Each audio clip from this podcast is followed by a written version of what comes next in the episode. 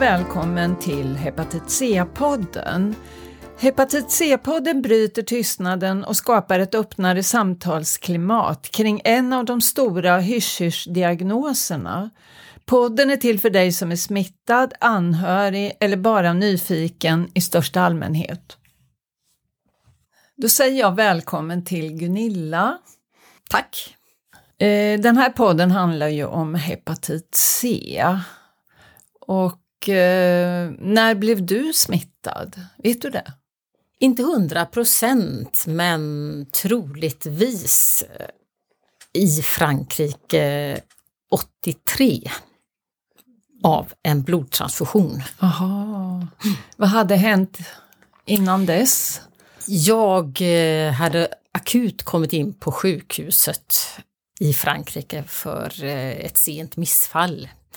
Det var lite dramatiskt men det var um, ingenting, efterdyningarna blev en annan sak som man tänkte på men, och hepatit C fanns ju inte som diagnos då ens en gång så då kunde jag inte ens en gång vara orolig för det.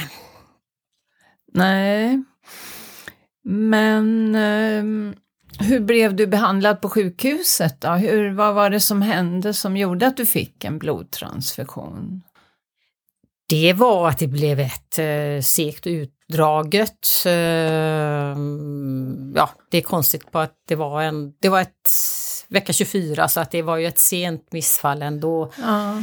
Och eh, jag vet inte riktigt varför de höll på i en halva natten innan de gjorde snittet och om det det var ett litet sjukhus också så att det, det var väl någon, någon säkerhetsmarginal att jag inte skulle få någon biverkning av att förlorat för mycket blod då. Nej, och ingen tänkte på varken hepatit C eller hiv på Nej. den tiden. Nej. Blod innehöll inga smittämnen. Nej, det var ett hjälp att jag skulle bli snabbare pigg igen Ja, det var efter det fint. ingreppet. Ja. Eh, Men eh, sen åkte du hem till Sverige Mm. och sen tog det ett tag innan du fick din diagnos, kan jag tänka mig. Ja, det var ju liksom i ett totalt annorlunda skeende i livet att jag hade bestämt, jag hade försökt ett par gånger innan att få bli blodgivare men då hade jag antagligen vägt för lite eller inte haft tillräckligt bra blodvärde. Men eh, då tänkte jag, nej, 2002 då bestämde jag nej, nu ska jag ta tag i det här igen och bli blodgivare som jag tycker att alla friska människor ska vara. Och jag känner mig som en duktig samhällsmedborgare och går och tar. Då får man ju också en bra genomgång eh, av, man tar blodvärden. Mm.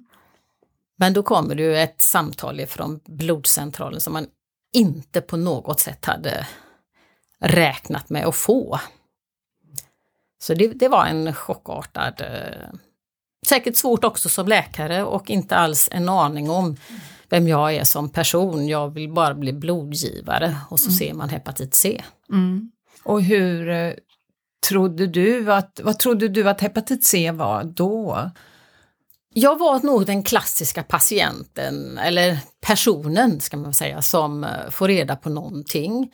Redan då, det är ganska många år sedan, men man gör det man egentligen inte ska göra. Man googlar på det och jag kommer jätteväl ihåg vad jag läste att hepatit C, det var ju en långsam sjukdom så man kunde vara ganska lugn.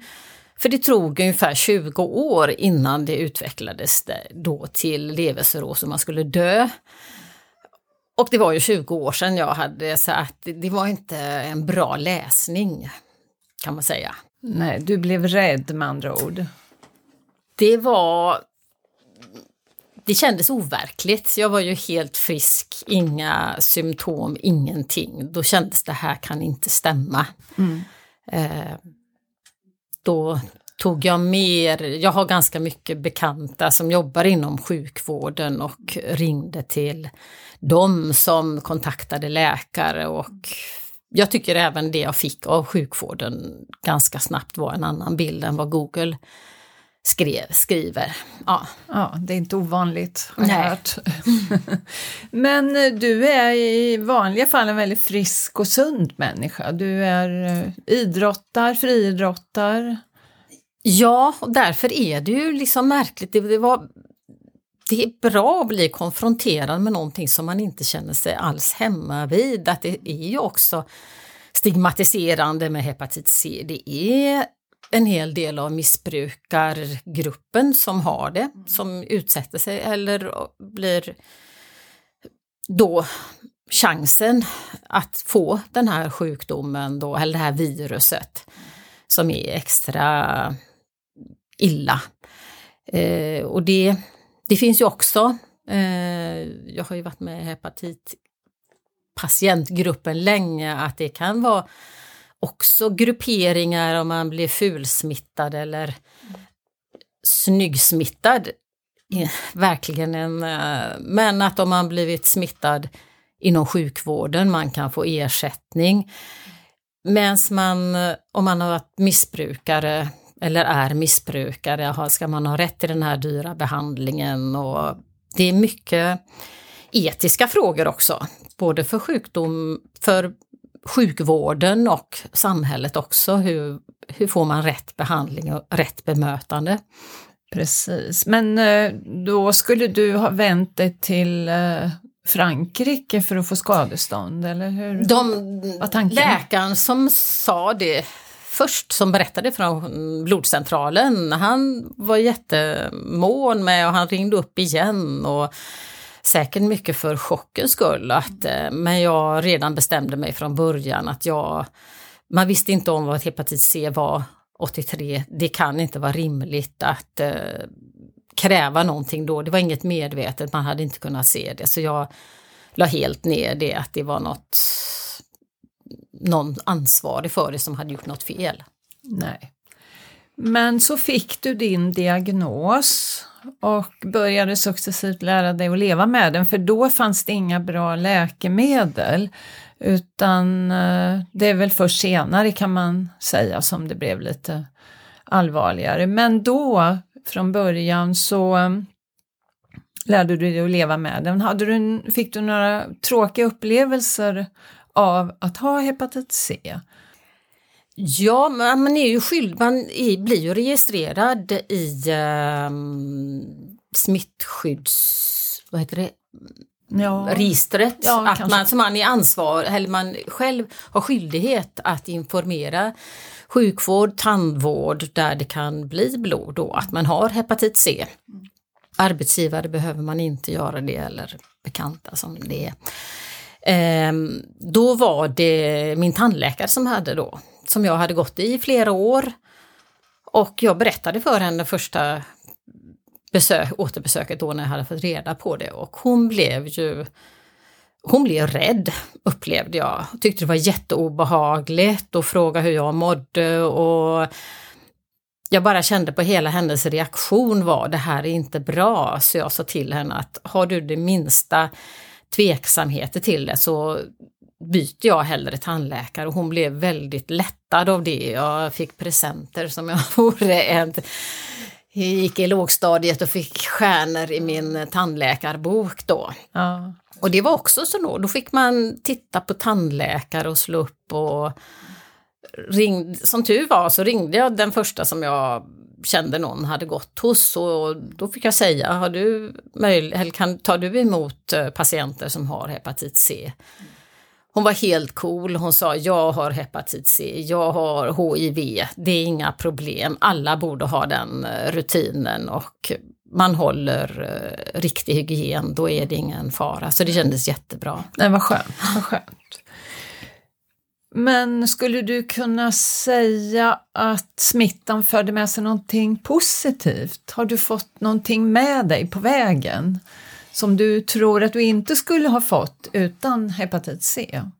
Ja, jag har ju, gick ju med. Jag satt på bussen eh, när jag hade, ja, och bara ser, för det är många år sedan då, att det var en annons på patientförening. Jag tror generellt att patientföreningar är bra om man får en sjukdom eller diagnos eller vad det är, att man träffar andra i samma situation. Och den, gick, den fick mig att få många, det var den här härliga blandningen av före detta missbrukare, det var sjuksköterskor, blandade åldrar, jätteroliga diskussioner och hela våren här Västra Götaland har ju mer satsat på det friska. Så, och det har varit, eh, det har gett mycket olika inblickar och mm, inget fördömande utan mer tankebanor hur man har velat förhålla sig till sin till hepatit C. Jag förstår. Jag tänker på att hur har du mått då i kroppen sen eh, du fick, sen du fick din smitta och fram till dess att du bestämde dig för att göra en behandling? Ja, jag hade ju inte känt någonting på de här 83 till eh, 2002. Det hade inte på något sätt. Sen fick jag ju göra eh, biopsier och provtagning och då är ju klart min lever påverkad av alla år som jag haft det här viruset. Och eh, det var en dålig behandling som fanns då, det var mer en chansartad som en del blev bättre men det var mycket biverkningar med interferon och ribavirin som är tuffa mediciner. Eh, från början när jag fick det på beskedet så ville jag ju ha behandling dagen efter men det är bra att man inte får det dagen efter utan när man får tänka igenom det.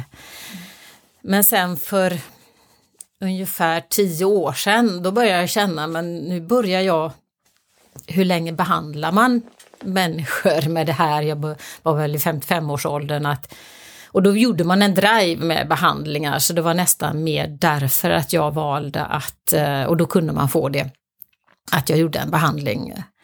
Ehm, jag hade förberett att jag skulle må fruktansvärt dåligt. Därför tror jag det blev inte så farligt. Jag hade det ganska lindriga symptom ändå. Mm, mm. Ja, vad skönt. Men uh, du, uh, hur, du är ju maratonlöpare i vanliga fall. Hur gick det? Kunde du springa? Under behandlingen, det var, det var väldigt obehagligt. Jag kunde inte springa. Det Nej. gick inte. Jag kunde jobba, jag kunde gå. Men uh, andningen fungerade inte så att där var det lite illamående och lite småfebergrejer också. Men jag hade ju förberett mig på något skräckscenario. Jag hade ju tagit det värsta. Då blev det mycket bättre.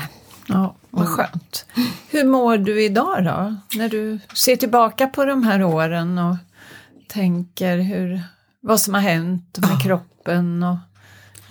Ja, jag mår alldeles utmärkt, det gör jag. Jag är mån också att hålla en, en fysisk bra kondition. Jag tror det för alla människor är oerhört viktigt. Och jag har inte, jag hade också någon ställningstagande direkt att jag man vet ju inte, det skulle ju kunna komma tillbaka eller vill jag veta hur min lever ser ut eller jag har tagit ändå att nu har jag kommit upp i den här åldern att jag lever hyfsat sunt och då behöver inte jag, jag vill inte fixera mig på ja, hur mycket sämre har den blivit och jag tror jag kommer att leva ungefär till 85. Ja, det låter bra Gunilla. Men du har inte testat dina levervärden och inte kollat hepatit C igen? Efter... Nej, Nej, jag gjorde valet att jag ja. inte ville. Sen var också det som var det värsta tyckte jag i, i det här i, i med hepatit C, det var ju om man hade